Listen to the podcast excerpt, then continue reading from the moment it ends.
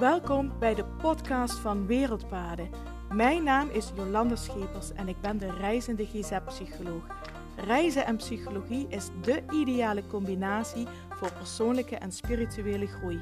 In mijn podcast deel ik verhalen en inzichten van over de hele wereld en uit mijn eigen ervaring om jou te inspireren om alles uit het leven te halen wat erin zit. Om samen met jou de reis naar je hart te maken en jouw meest zingevende leven te gaan leiden.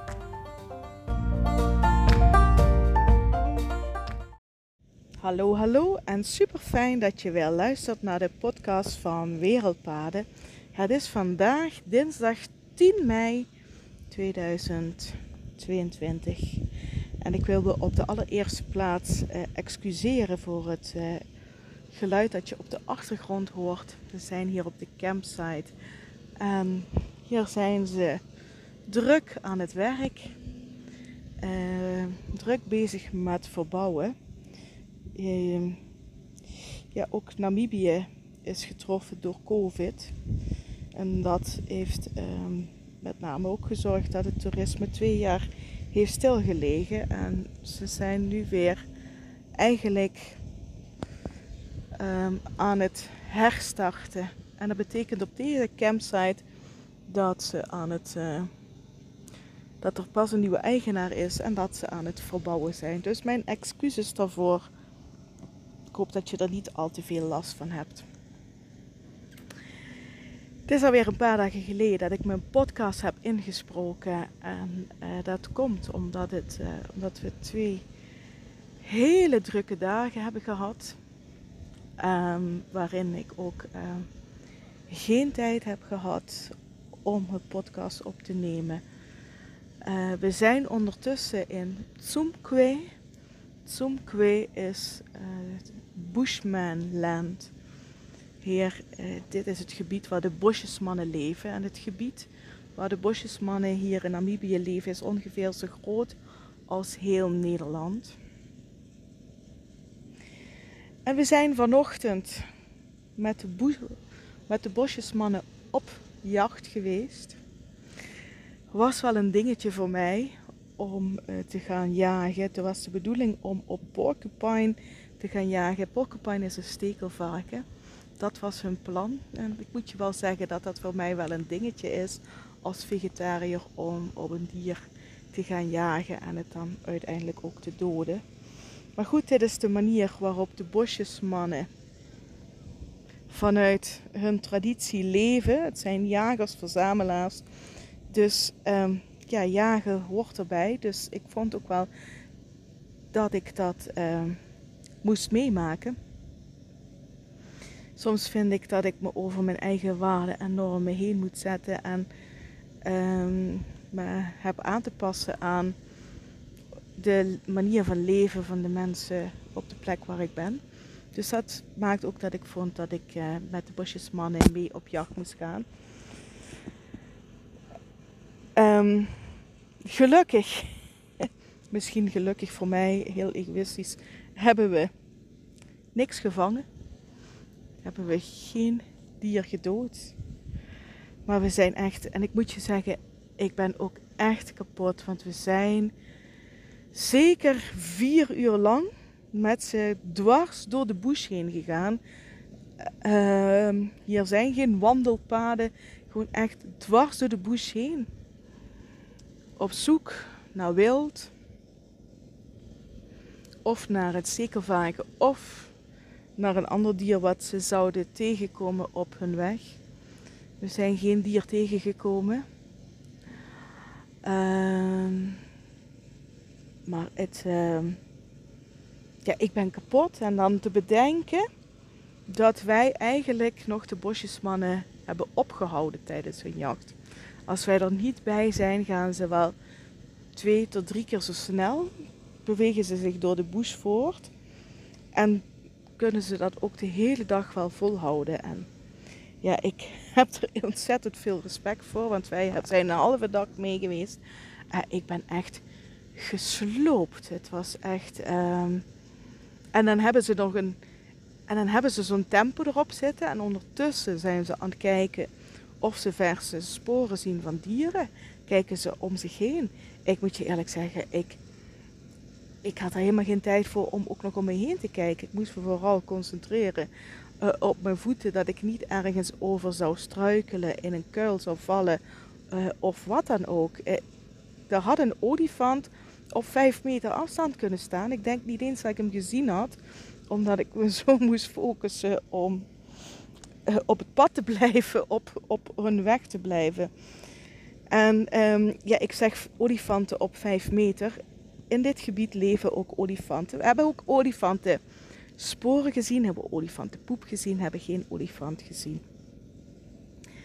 We hebben eigenlijk geen enkel dier gezien. Maar hier leeft ook het, uh, het grote wild. Het grote wild wat ook in Etosha National Park leeft, leeft hier ook. En ik moet je zeggen, vond ik ook wel spannend. Want we zijn door gras heen gelopen dat bijna, ja, dat wel tot mijn, tot mijn, tussen mijn middel en mijn schouders kwam.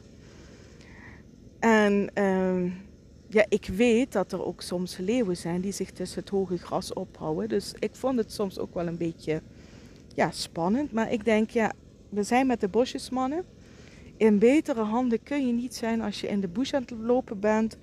Dus ik denk, ja, uh, ik denk dat zij eerder de leeuw hadden gespot dan dat de leeuw misschien ons wel had gespot. Uh, ja, dus we zijn vanochtend vier uur door de bush gegaan. En ik moet zeggen dat ik een enorm respect heb voor de bosjesmannen.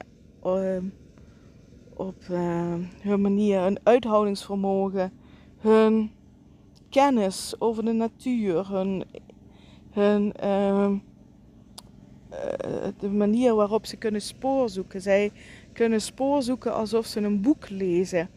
Ja, ik kan, ik kan hè, een olifant kan ik onderscheiden. Een leeuw kan ik ook onderscheiden. Maar hè, als ik al hoeven zie, dan wordt het al wat lastiger voor mij. Um, maar zij zien niet alleen de sporen. Ze kunnen ook nog zien hoe oud de sporen zijn. Of het dier gegeten heeft, of het dier niet gegeten heeft. Ik weet niet wat ze allemaal kunnen zien aan die sporen. Dat is echt ongelooflijk. En dat kunnen ze dan ook nog volgen. Terwijl ze met een gigatempo door de bush heen lopen. Ja, ik vraag me af hoe ze het doen. En ik heb vandaag aan den lijve ervaren dat ik het ze niet nadoe. En wat een manier van leven, dat uh, vier uur door de bush en uiteindelijk hebben we geen prooi gevangen. Het enige wat we hebben gevonden is een, een waterroot, een, een waterwortel. Dat is een heel klein plantje.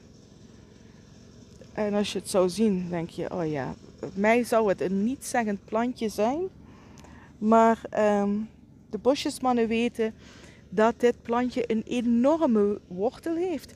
En die wortel, die bevat soms wel een liter water. Dus om, um, om water, om, om te kunnen drinken, uh, graven ze die wortel uit en eten ze die wortel op. En dan hebben ze hun vocht binnen. Want ja, wij waren natuurlijk uitgerust met een rugzak vol met drinken. En de bosjesmannen hadden niks bij zich. Die hadden hun wapens bij zich, een speer, een uh, pijl en boog. Maar voor de rest hadden zij hadden geen drinken mee, ze hadden helemaal niks. Dus ja, dat, dat vinden ze dan onderweg. Dat was dus ook het enige wat we hebben gevonden. Misschien gelukkig voor mij dat uh, het enige wat we hebben gevonden een waterwortel was en geen dier. Maar goed voor de bosjesmannen was het wel minder. Ja, en dan. Gisteren zijn we ook met de bosjesmannen op pad geweest en hebben ze ons laten zien uh, welke bomen, struiken, bladeren, wortels ze gebruiken voor als ze bijvoorbeeld hoofdpijn hebben, of als ze buikpijn hebben, of als ze. Noem maar op, ze hebben ons laten zien hoe ze een val voor vogels zetten. Deze mensen hebben zoveel kennis uh, van de natuur en hoe ze kunnen overleven in de natuur. Ja, dat is gewoon echt ongelooflijk wat zij allemaal weten. Dat, dat, ja, dat, dat, dat, is, dat kun je gewoon niet beschrijven. En dit is ook hun, vanuit de traditie, hun manier van leven. Door de bush trekken en leven van wat de bush je te geven heeft. En dat mochten we gisteren en vandaag zien. En nou zou je denken, eind goed, al goed. En ze leefde nog lang en gelukkig in de bush. Maar helaas, niets is minder waar dan dat de bosjesmannen hier gelukkig, zorgeloos in de bush leven. Was het maar waar. En de traditionele dorpen die wij zien, zijn er ook nog een, vooral vaak ook alleen nog maar om aan de Westerlingen te laten zien dat um, hoe de bosjesmannen ooit leefden, maar nu niet meer leven. En het dorp waar we vandaag en gisteren waren, wij zijn er een beetje over in dubio. Volgens onze gids, Small Boy, hij is de gids en de tolk, um, leven de mensen nog echt zo in het dorp. Uit andere bronnen hebben we gehoord dat er eigenlijk geen enkele bosjesmannen meer zo traditioneel in een dorp leven. Dus we weten het eigenlijk niet zo goed. Als het nog zo is, is het een van de uitzonderingen. We hebben ook gehoord dat nog maar slechts 5%, minder dan 5% van de bosjesmannen kan jagen. En dat bij heel veel bosjesmannen um, deze kennis verloren is gegaan. Kennis natuurlijk het eeuwig zonde is als die verloren gaat. Kennis van meer dan 10.000 jaar oud. Bosjesmannen hebben de oudste manier van leven hier op aarde. Ik denk ook misschien wel een van de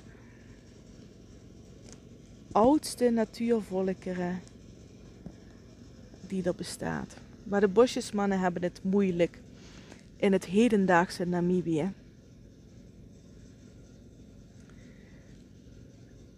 Dit is een van de armste streken van Namibië waar we nu zijn.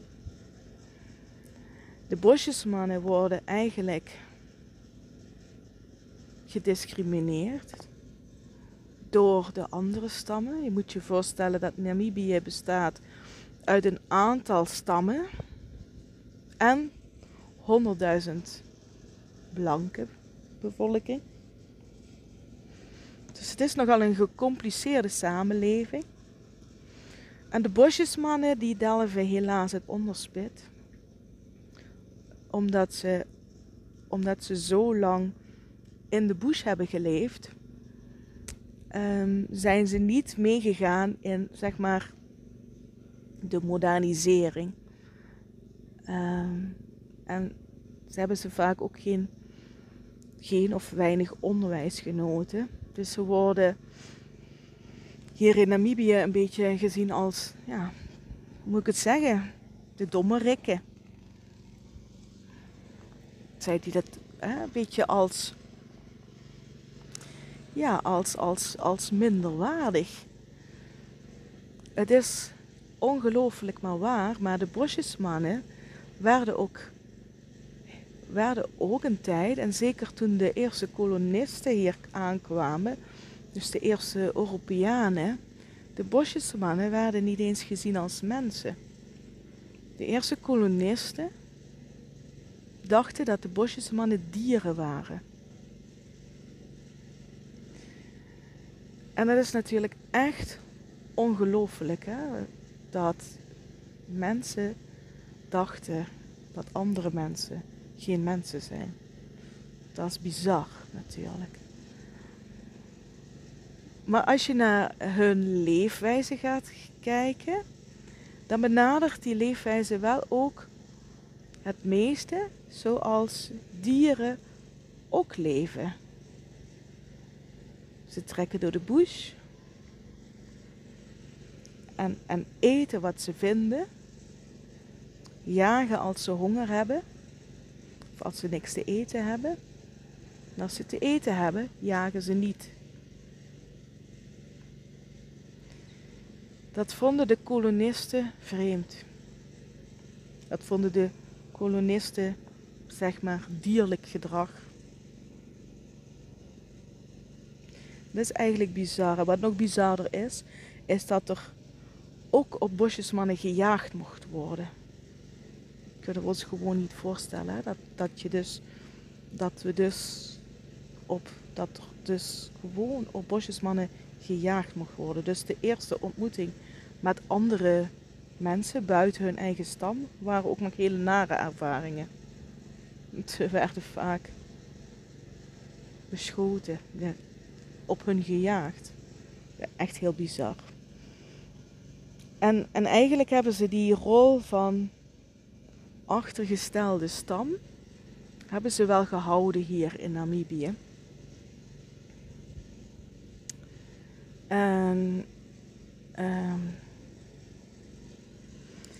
ja, dat maakt nu dus dat de situatie heel moeilijk wordt. En het is zelfs zo, en dat is heden ten dagen nog zo. En ik, ik vond dat heel shocking, omdat het iets is waar we in Nederland heel veel op dit moment over discussiëren. Dat gaat over slavernij. Slavernij hè, wordt in Nederland op dit moment heel veel over gediscussieerd. Uh, slavernijverleden van Nederland. De Surinaamse gemeenschap in ons land die afstamt van uh, de oude slaven, zeg maar. En hoe gaan we daarmee om? De hele Zwarte Piet discussie heeft daarmee te maken. Heeft allemaal met het slavernijverleden van Nederland te maken. Maar ik denk dat bijna niemand in Nederland weet dat hier in Namibië nog een soort van slavernij bestaat. En dat, dat is dat de bosjesmannen soms slaaf worden gemaakt van andere stammen. En slaaf gemaakt in die zin dat ze uh, niet meer kunnen gaan en staan waar zij willen. Dat zij voor die andere stam moeten werken. Bijvoorbeeld voor het vee zorgen, voor uh, op het land werken, wat dan ook. Ze moeten voor, voor hun werken.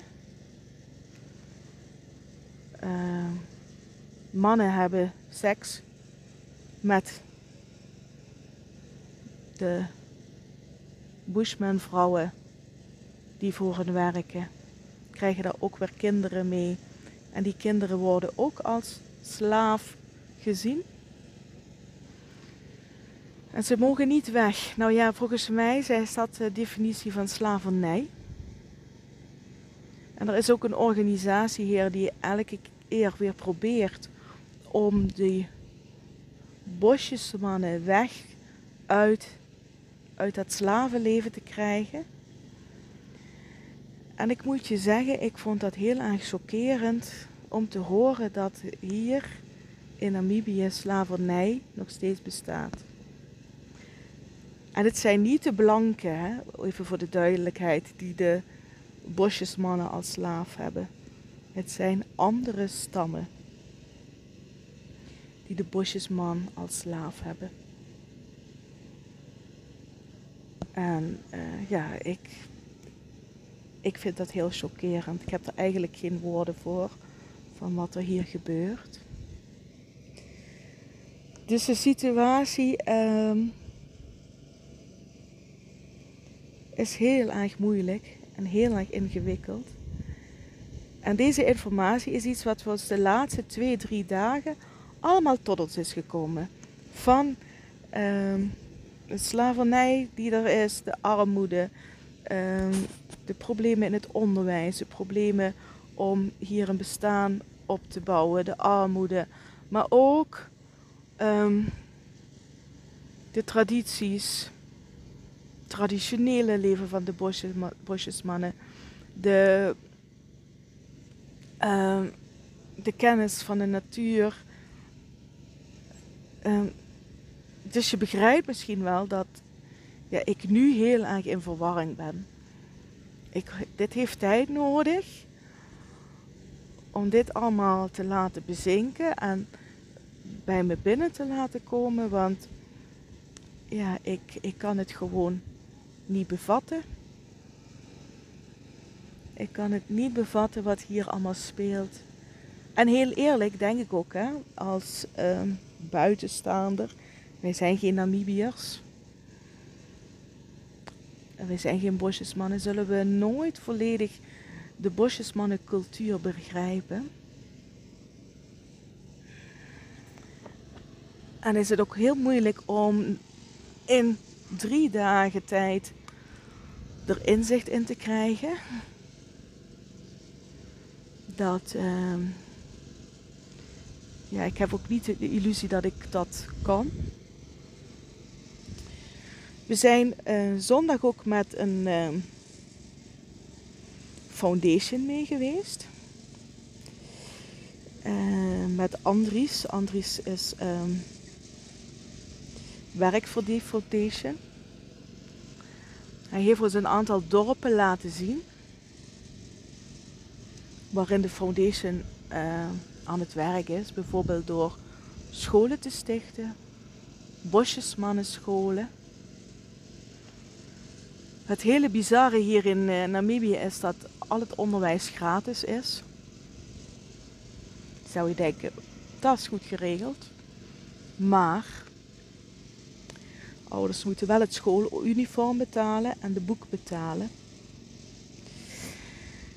En het hele lastige is dat er bijna geen bosjesmannen leraren zijn. Dus ook geen bosjesmannen scholen dat de scholen vaak ver buiten de dorpen liggen.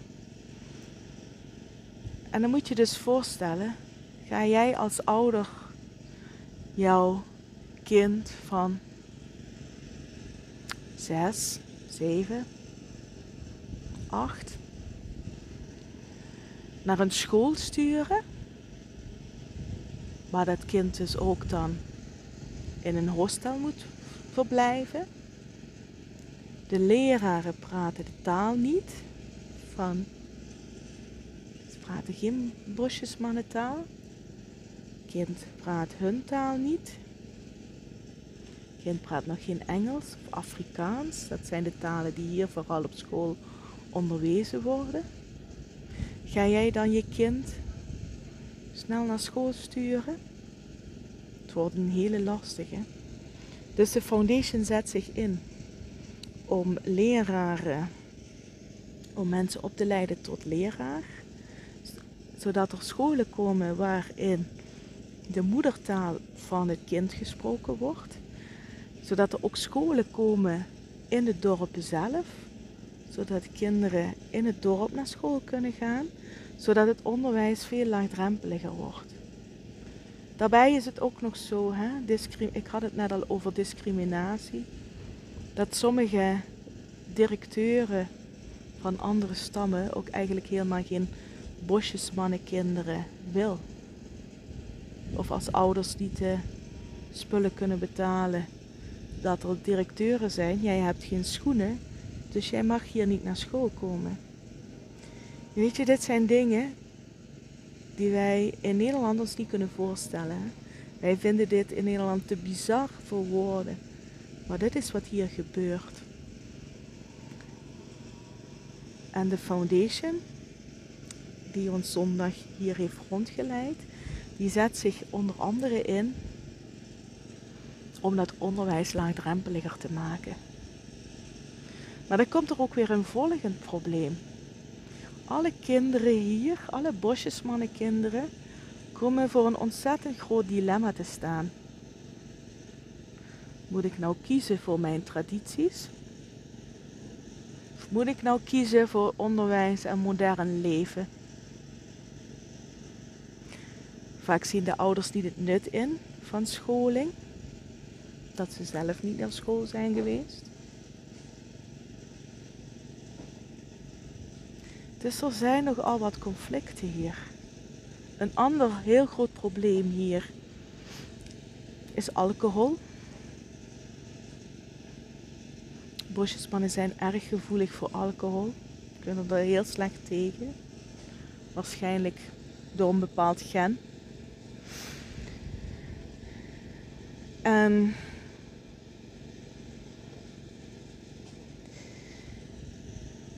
dan gaan ze wel alcohol gebruiken met alle gevolgen van dien.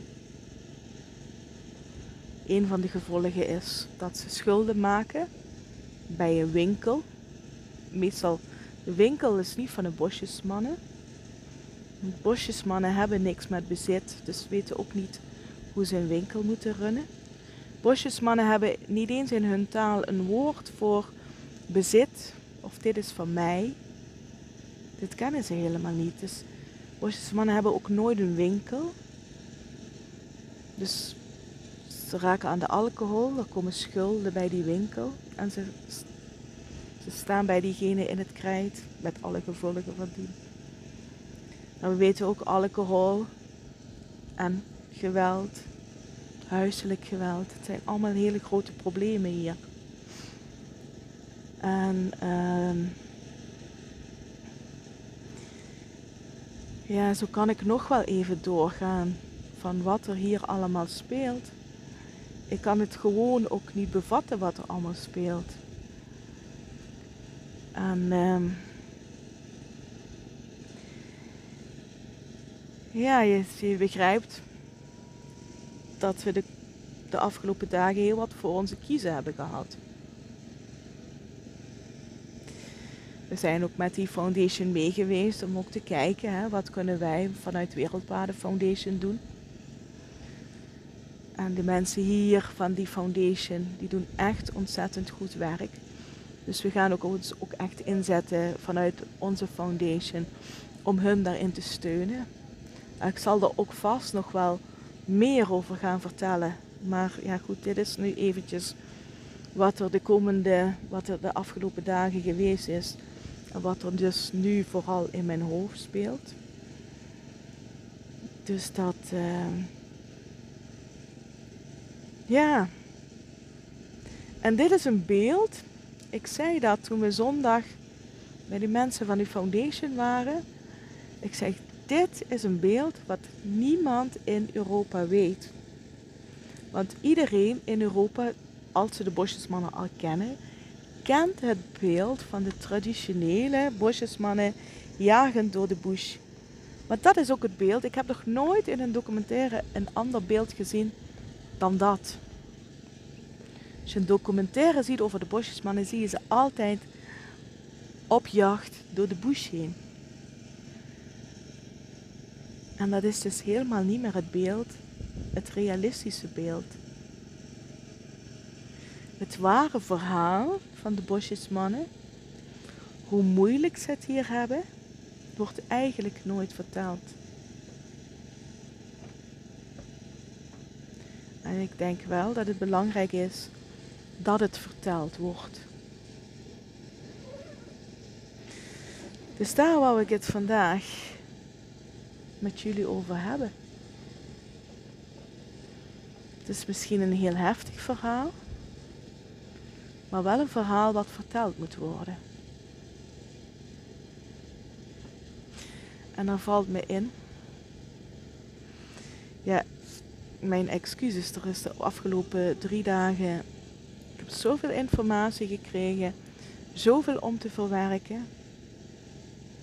Er is iets wat ik nog wil bespreken. We zitten hier in de stad Zumkwe en hier ligt ook een natuurreservaat. Waar dan de bosjesmannen en de dorpen ook uh, waar de dorpen ook in uh, zijn en waar het wild leeft. En in het natuurreservaat hier mag gejaagd worden. Dat maakt dat de bosjesmannen hier wel mogen jagen.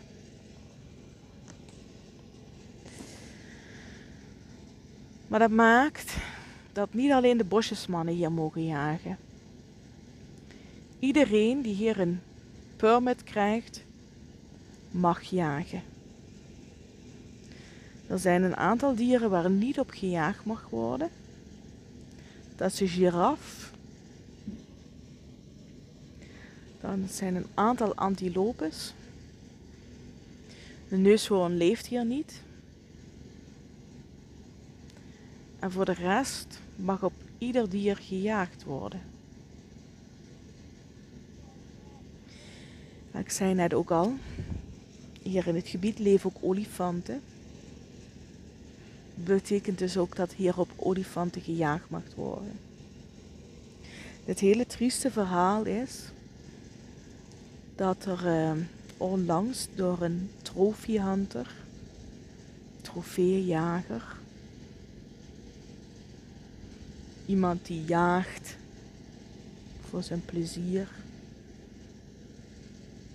een olifant, een mannetje, is doodgeschoten.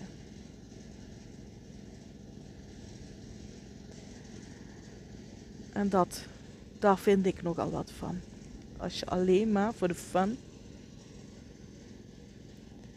dieren doodschiet. Kijk, wij zijn vandaag ook mee op jacht geweest naar de bosjesmannen. Zij jagen niet voor het plezier.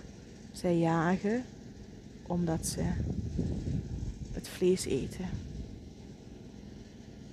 Ze jagen niet om het ego van kijk mij eens. Dat vind ik altijd het hele lastige aan trophy hunters. Die doen dat wel. Dan zegt Smallboy, onze gids, van ja, maar van de andere kant zegt hij, is um, die jacht, die man, die, die jager, die heeft daar heel veel geld voor betaald om op die olifant te mogen jagen. Zegt hij, dat geld gaat naar de gemeenschap. Zegt hij, ja, we hebben bijna twee jaar niks gehad vanwege corona. Er heel weinig toeristen hier kwamen. Dus wij zijn blij met het geld. En dan zie je opeens hoe dubbel dat het is. De mensen kunnen het geld heel goed gebruiken, want ze hebben hier niks. Maar daarvoor wordt wel zo'n prachtig mooi dier doodgeschoten. Dat is bizar, hè? Ik merk dat ik vandaag in de podcast heel vaak het woord bizar zeg, hè? Maar sommige dingen zijn bizar.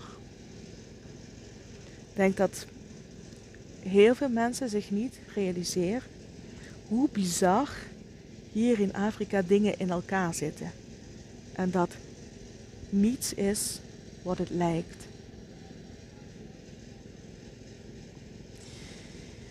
Wij in Europa zijn ontzettend altijd geneigd geweest om de olifant te beschermen. Of course. Hè? De olifant is heel lang ook bedreigd met uitsterven. Maar hier in Namibië, grenzend aan Botswana, zijn de olifanten bijna een soort plaag geworden. En hier zijn zoveel olifanten uh, dat ze ook uh, hier dorpen binnentrekken. En ja, in dorpen de oogst vernietigen, waterpompen vernietigen. Dat mensen doodsbang voor ze zijn geworden. Dus van de ene kant kun je zeggen hè, dat de bescherming van de olifant zeer succesvol is geweest. Maar eigenlijk, als het over natuurbescherming gaat, zul je ook altijd naar de mensen moeten kijken die in het gebied leven. Want de olifant is wel ontzettend beschermd, maar wat is er met de mensen gebeurd? En wat betekent het als nu dorpen overlopen worden door olifanten? Dat oogsten vernield worden voor mensen door olifanten. Het is nogal een ingewikkeld probleem. Later in deze reis gaan we ook naar ERA, de Elephant Human Relationship Aid. Die zet zich hiervoor in. Die zet zich in een, niet in dit gebied waar we nu zitten, maar een ander gebied van Namibië, zet deze foundation zich in om zowel de olifant te beschermen, maar ook de dorpen te beschermen. En eigenlijk ervoor te zorgen dat olifanten en mensen in een harmonie, goede harmonie met elkaar kunnen leven. En dat zie je dat dat hier niet gebeurd is, waardoor hier weer nieuwe problemen ontstaan. dan zie je dat bijvoorbeeld zoiets als trophy hunting wordt toegestaan. En dat het ook weer geld oplevert voor de gemeenschap. Terwijl er wel ja, prachtig mooie dieren voor worden doodgeschoten. Het, het, het, het is zo'n ontzettend ingewikkeld probleem. Het zit zo ontzettend complex in elkaar. Dat uh, ja, veel stof tot nadenken. En ik denk, dit wilde ik wel in mijn podcast delen.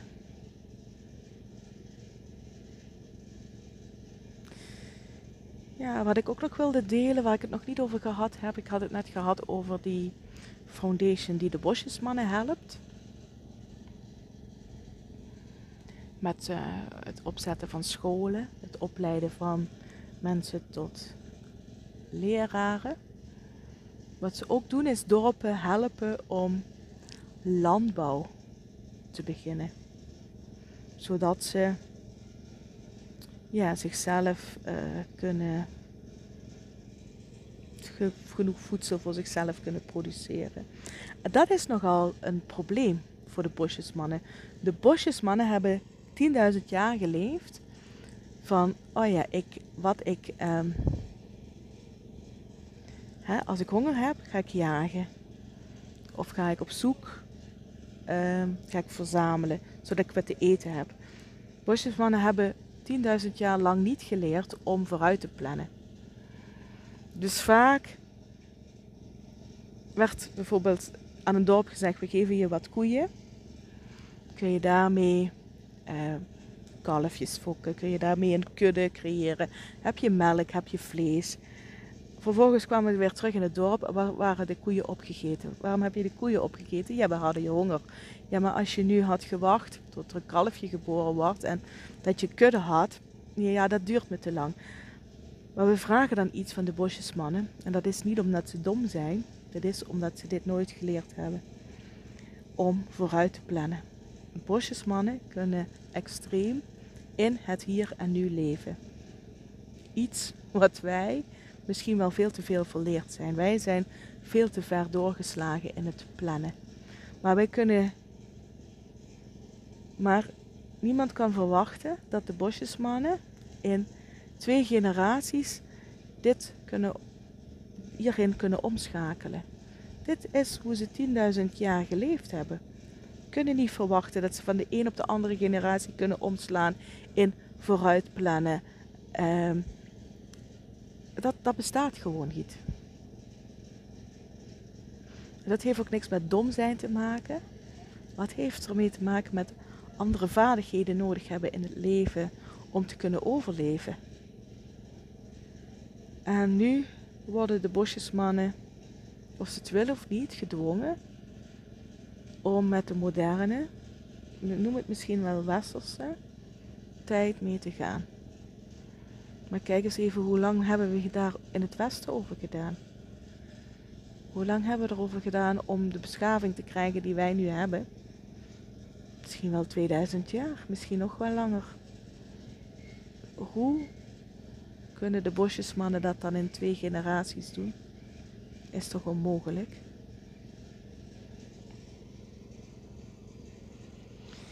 Nou, ik denk dat ik een heel verhaal heb verteld. En uh, ja, ik ben ook heel benieuwd wat je hiervan vindt. Ik, uh, misschien had je gehoopt, zo Jolanda is op reis. We krijgen allemaal vrolijke verhalen te horen. Maar ik vind het ook belangrijk dat ik met je deel wat er daadwerkelijk speelt. Ik kan wel gaan vertellen, oh, uh, kijk mij nou fantastisch uh, hier op reis zijn. En geloof mij, wij hebben het hier echt ontzettend naar onze zin. Maar het gaat er net om. Voor mij betekent reizen ook naar de werkelijkheid kijken. En naar de werkelijkheid kijken zoals het echt is. En niet een of andere opgepoetste versie voor toeristen. Maar wat speelt er nou echt? En dat wil ik ook graag delen in de podcast. Ik uh, wil je bedanken voor het luisteren naar deze podcast. Of zowel zoals de bosjesmannen zouden zeggen, miwi, ha, dankjewel voor het luisteren. Ik spreek je binnenkort weer, als ik weer tijd heb om een podcast op te nemen. Soms heb ik gewoon echt geen tijd. Uh, dat bedoel ik, echt geen tijd. Uh, de dagen zijn hier best kort, want soms zijn we de hele dag op pad. Dan komen we terug bij de campsite. Dus het eten, daarna is het donker. Dat betekent op, op het moment dat het donker is, ga je eigenlijk slapen. En dat doen de andere campsite gasten ook. Dus die zullen niet heel blij zijn als ik vervolgens een eh, podcast van een half uur ga inpraten. Ik denk dat ik dan doorkrijg van kun jij niet je mond houden. Dus um, dat is het soms. Um, dus als ik tijd heb, dan spreek ik uiteraard weer heel graag een podcast in. En eh, dan spreek ik je dan weer. Mocht je vragen of opmerkingen hebben over deze podcast, of willen laten weten wat je van de podcast vindt, laat het me horen. Stuur een berichtje via Instagram of Facebook of LinkedIn of een mailtje naar info.wereldpaden.nl. En ik heb niet elke dag wifi, dat zul je vast al gemerkt hebben. Maar als ik wifi heb en ik zie jouw vraag, dan zal ik er zeker ook antwoord op geven. Hey, dankjewel voor het luisteren en ik spreek je gauw weer. Groetjes, doei doei.